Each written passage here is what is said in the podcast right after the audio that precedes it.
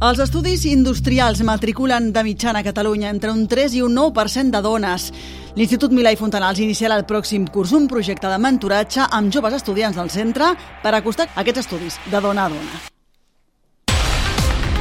Ja compten amb un grup d'alumnes de primer i segon cicle de grau superior disposades a acompanyar a les noies que tinguin interès a iniciar-se en aquests estudis tradicionalment cursats per nois, però amb una gran i variada sortida professional.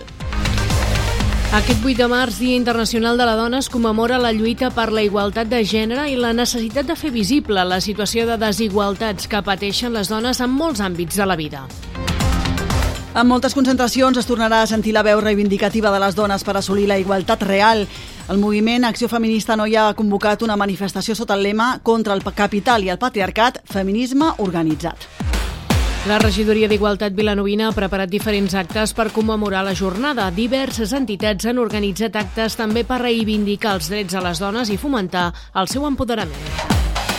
El PSC de Vilanova del Camí, per exemple, ha preparat per aquesta tarda una marxa i la lectura del manifest a la plaça del Mercat. I diumenge tindrà lloc una matinal amb parades d'exposició i artesania i el tradicional homenatge a una dona del municipi. El llibre Aislados en el cine de Javier Pérez Vico, que explora l'aïllament social a través de 20 pel·lícules, es presenta aquest dissabte a Camp Passeit. I en esports avui acabarem parlant de tenis taula, derrota a primera provincial i victòria a segona aquesta setmana.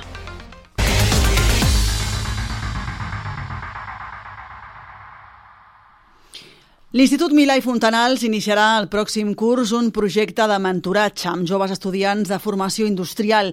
Ja compten amb un grup d'alumnes de primer i segon cicle de grau superior disposades a acompanyar les noies que tinguin interès a iniciar-se en aquests estudis tradicionalment cursats per nois i on de mitjana a Catalunya només es matriculen entre un 3 i un 9% de dones.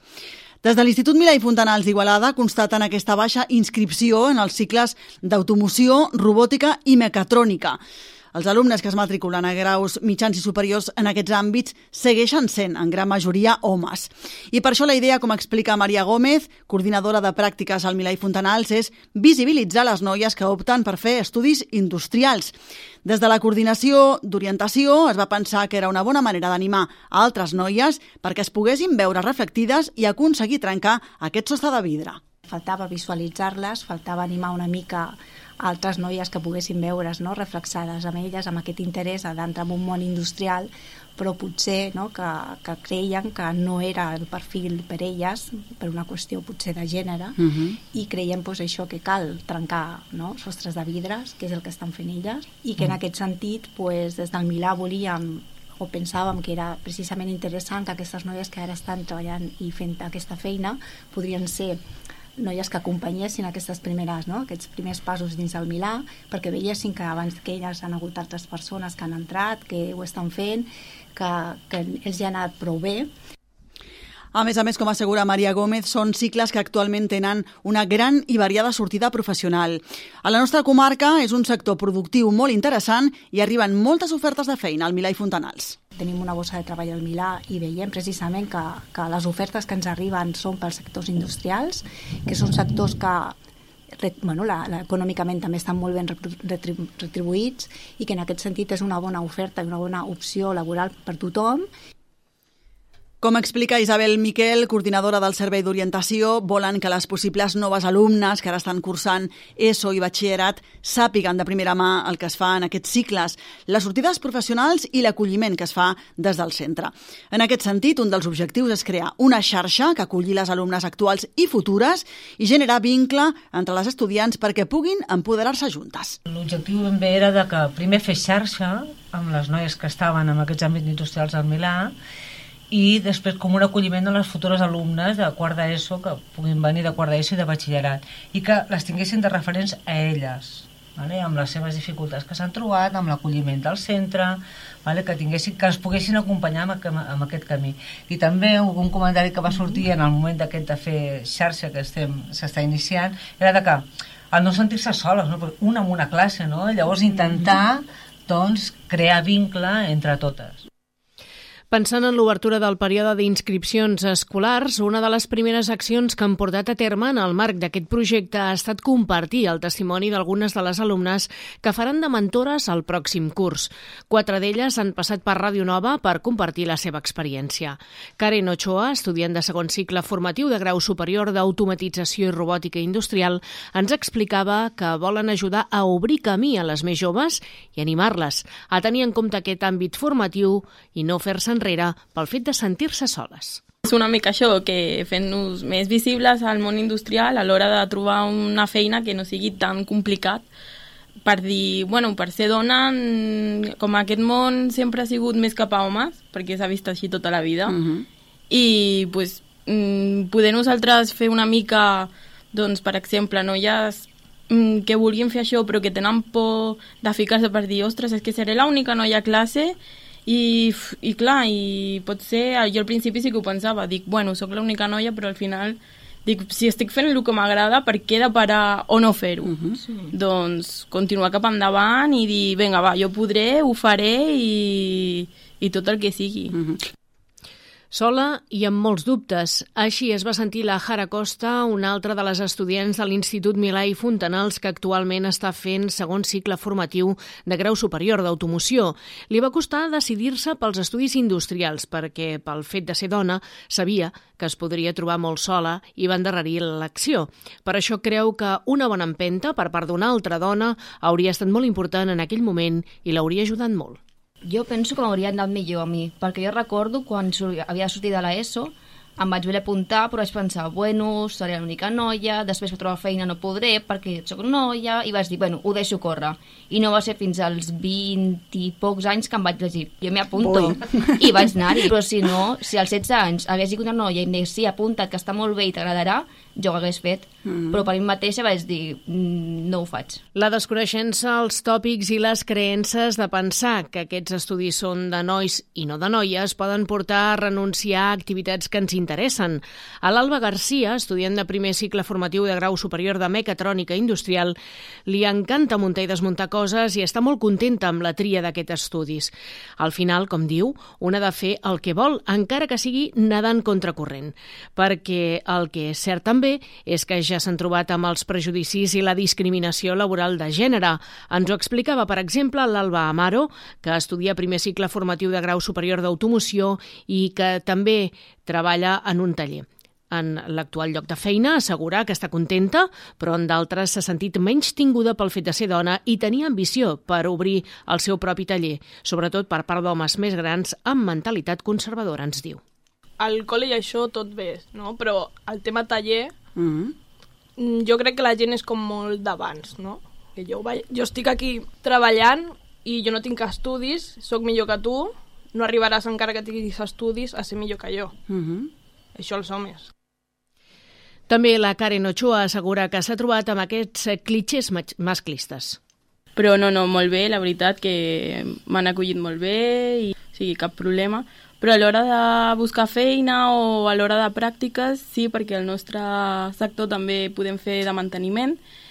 I sí que m'he trobat amb algunes empreses que han dit, clar, és que una dona manteniment no ens agradaria, perquè, clar, potser no teniu la suficient força com per agafar un motor d'una bomba, treure-ho, reparar-lo i tornar-ho a ficar, perquè com pesa molt i embrutar-vos les mans i tot això, i clar, jo li vaig dir, a veure, que jo estic aquí per aprendre i fer el que, que sigui. Que calgui, no? O sigui, que em dona igual tacar-me les mans com si ha d'estar en una oficina tècnica fent plànols.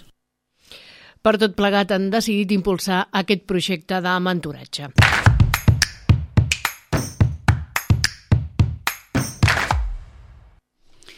Avui en moltes concentracions es tornarà a sentir la veu reivindicativa de les dones per assolir la igualtat real. El moviment d'acció feminista Anoi ha convocat una manifestació aquesta tarda a Igualada sota el lema Contra el capital i el patriarcat, feminisme organitzat. Una consigna amb la qual volen fer palès que la lluita feminista no pot eslligar-se de totes les lluites contra l'opressió i l'explotació que tenen el capitalisme com a principal causant, com les lluites pels drets humans, les lluites en defensa de l'habitatge, les sindicals i en defensa del territori, entre altres. La pandèmia, afirmen des d'aquest col·lectiu, ha posat de manifest la vulnerabilitat de les dones i altres col·lectius oprimits davant la crisi social i econòmica que va aguditzar les desigualtats. I encara sense haver-nos recuperat, ens trobem una vegada més en un context de crisi estructural del capitalisme amb una escalada de preus on els productes de primera necessitat imprescindibles per a la vida, com l'energia, l'alimentació o l'habitatge, són cada vegada més un luxe per a la classe treballadora. La manifestació organitzada pel moviment Acció Feminista Noia sortirà avui a les 7 de la tarda des de la plaça Pius XII d'Igualada.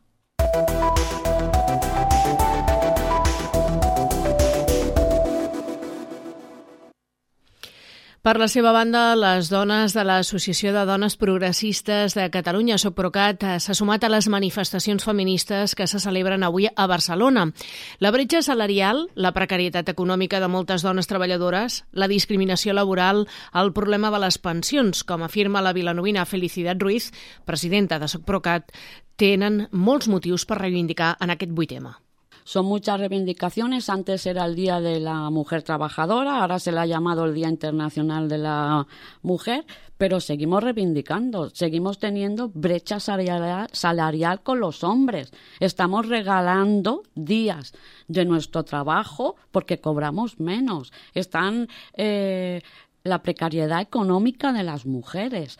Luego los trabajos tampoco evolucionamos o subimos peldaños con razón a los hombres. Seguimos estando en un estatus mucho más para abajo. Las mujeres del SAT, el servicio este tampoco está nada bien. Las pensiones de las mujeres mayores, las personas mayores, que eh, el, problema de la pensión de viudedad que se les baja.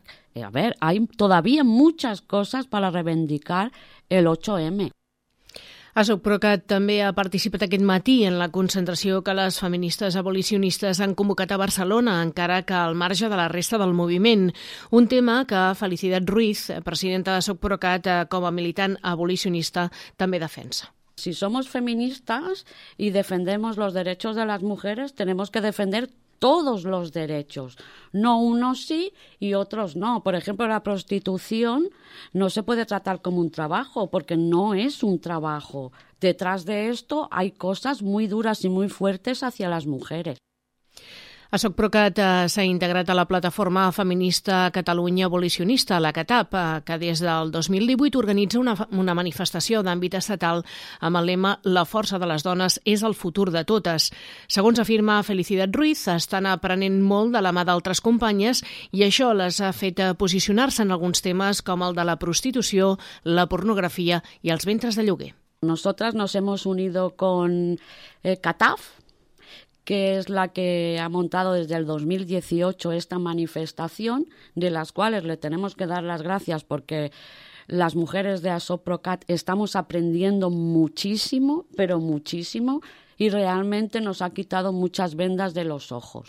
Lo que defiende es quizás lo que las otras manifestaciones no, no proclaman, ¿no? Entonces, a ver, la prostitución es un grave problema, la pornografía un grave problema, los vientres de alquiler para las mujeres es increíble.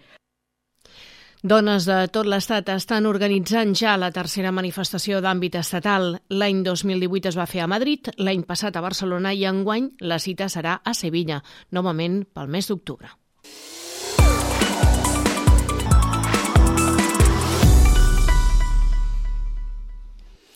I aquest vuit tema, Dia Internacional de la Dona, que es commemora la lluita per la igualtat de gènere i la necessitat de fer visible la situació de desigualtat que pateixen les dones en molts àmbits de la vida, aquí a Vilanova del Camí diverses entitats han organitzat diferents actes per reivindicar els drets de les dones i per fomentar el nostre empoderament.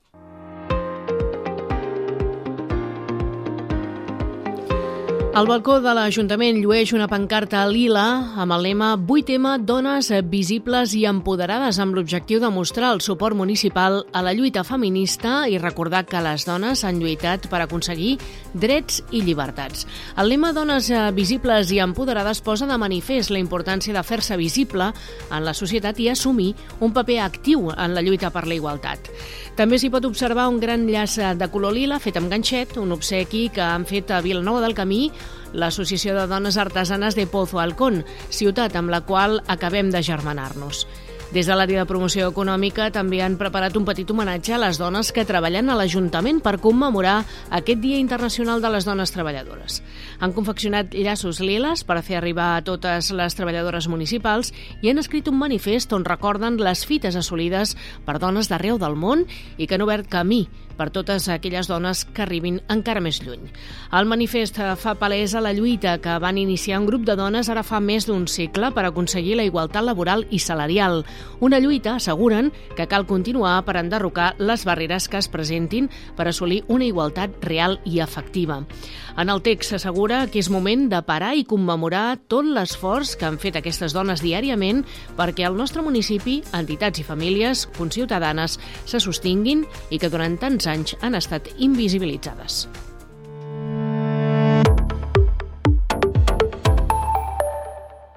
I parlem dels actes que avui es multipliquen en aquest Dia de la Dona. A Vilanova del Camí la lectura del manifest està programada aquesta tarda a partir de tres quarts de cinc a la plaça del Mercat, a càrrec de la Regidoria d'Igualtat.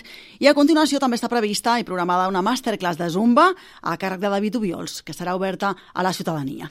A partir de les 6 de la tarda, la Biblioteca de Vilanova del Camí s'ha programat una hora del conte amb contes feministes a càrrec de Mònica Torra per a un públic infantil a partir dels 6 anys.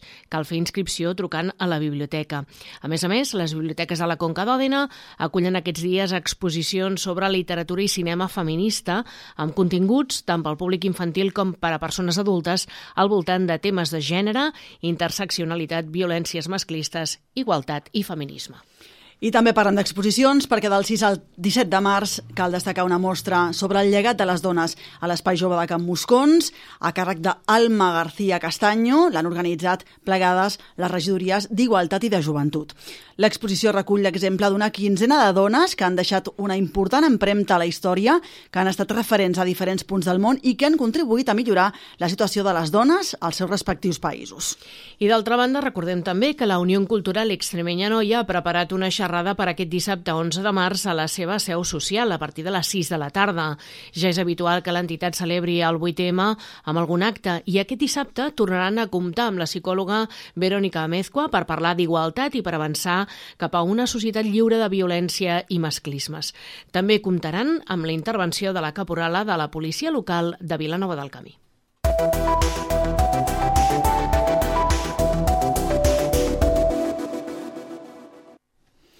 També els partits polítics estan sumat a aquesta reivindicació. El PSC de Vilanova del Camí complint amb la tradició també de la fira que faran aquest diumenge. I per avui, per aquesta tarda, han convocat també una marxa que sortirà a dos quarts de set de la seu social del PSC, al carrer Jaume Balmes 38, i que anirà fins a la plaça del Mercat, on tenen previst fer la lectura d'un manifest.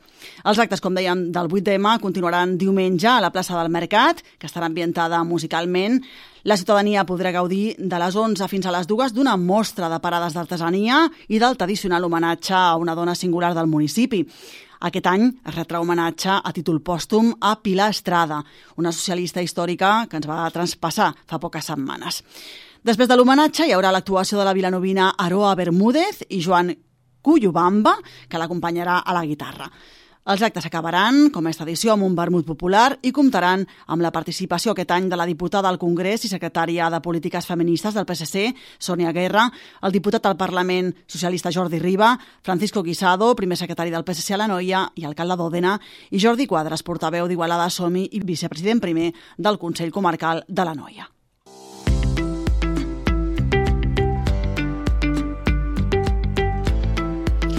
El vilanoví Javier Pérez Vico presenta aquest dissabte el seu primer llibre, Aislados en el cine, que ha escrit amb Pepe Dana i que ha publicat Terregnota Ediciones. La presentació es farà a Camp Passeig a les 6 de la tarda i l'aforament és limitat pel que es recomana fer reserva. Aquest dissabte, amb motiu de la presentació en societat, el llibre es podrà adquirir a un preu promocional de 17 euros, que es podran pagar tant en efectiu com amb targeta. També es podrà adquirir a les llibreries al preu de 18 euros i mig. Per tal de coordinar l'espai, des de l'organització demanen reservar prèviament enviant un correu electrònic a aisladosenelcine.gmail.com indicant el nombre de persones que assistiran a l'acte. Aislados en el Cine és un projecte que es va començar a gestar durant la pandèmia en un moment de molta complexitat, desconcert i angoixa generalitzada I precisament aquestes emocions, especialment la de l'aïllament social, són les que els autors han recollit en aquest llibre a través de l'anàlisi d'una vintena de pel·lícules de diferents èpoques i gèneres. Javier Pérez Vico i Pepe Dana Quirós han tingut molta cura en la preparació d'aquest llibre, tant pel que fa al text, ple de referències personals i experiències pròpies, com amb les imatges, escollint cartells i il·lustracions de cada una de les cintes. El resultat és una obra atractiva visualment, on el lector, bé sigui aficionat al cinema, bé sigui expert, trobarà la motivació suficient per llegir-lo i per aprofundir en les pel·lícules proposades. Aislados en el cine té pròleg de Francisco Javier Millán, escriptor i autor de Generación Goonies, Galàxia Lucas, Destino Camelot, Darcera Pulir Cera i el seu darrer llibre, Gremlins, no, les, eh, no les des de comer després de medianoche. També hi participa Gemma Luque, diplomada en comunicació audiovisual i en antropologia. Luque s'ha encarregat d'escriure la introducció general on aporta una visió antropològica bàsica i amena sobre els temes que es desenvolupen en aquest llibre.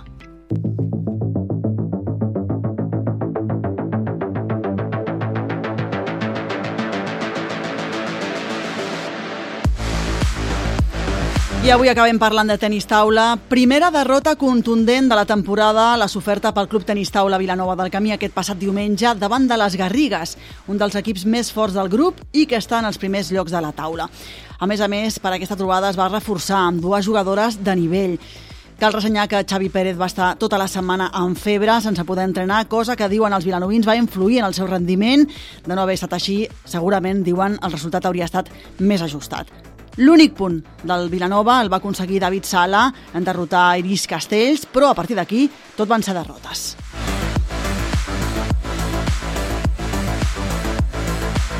I després de dues derrotes seguides, l'equip de segona provincial del Club Tenis Taula Vilanova del Camí va aconseguir una soferta victòria davant el Castellgalí en una renyida trobada que es va haver de resoldre en el partit de dobles amb parcials molt ajustats favorables als vilanovins. El resultat final va ser de 4 a 3.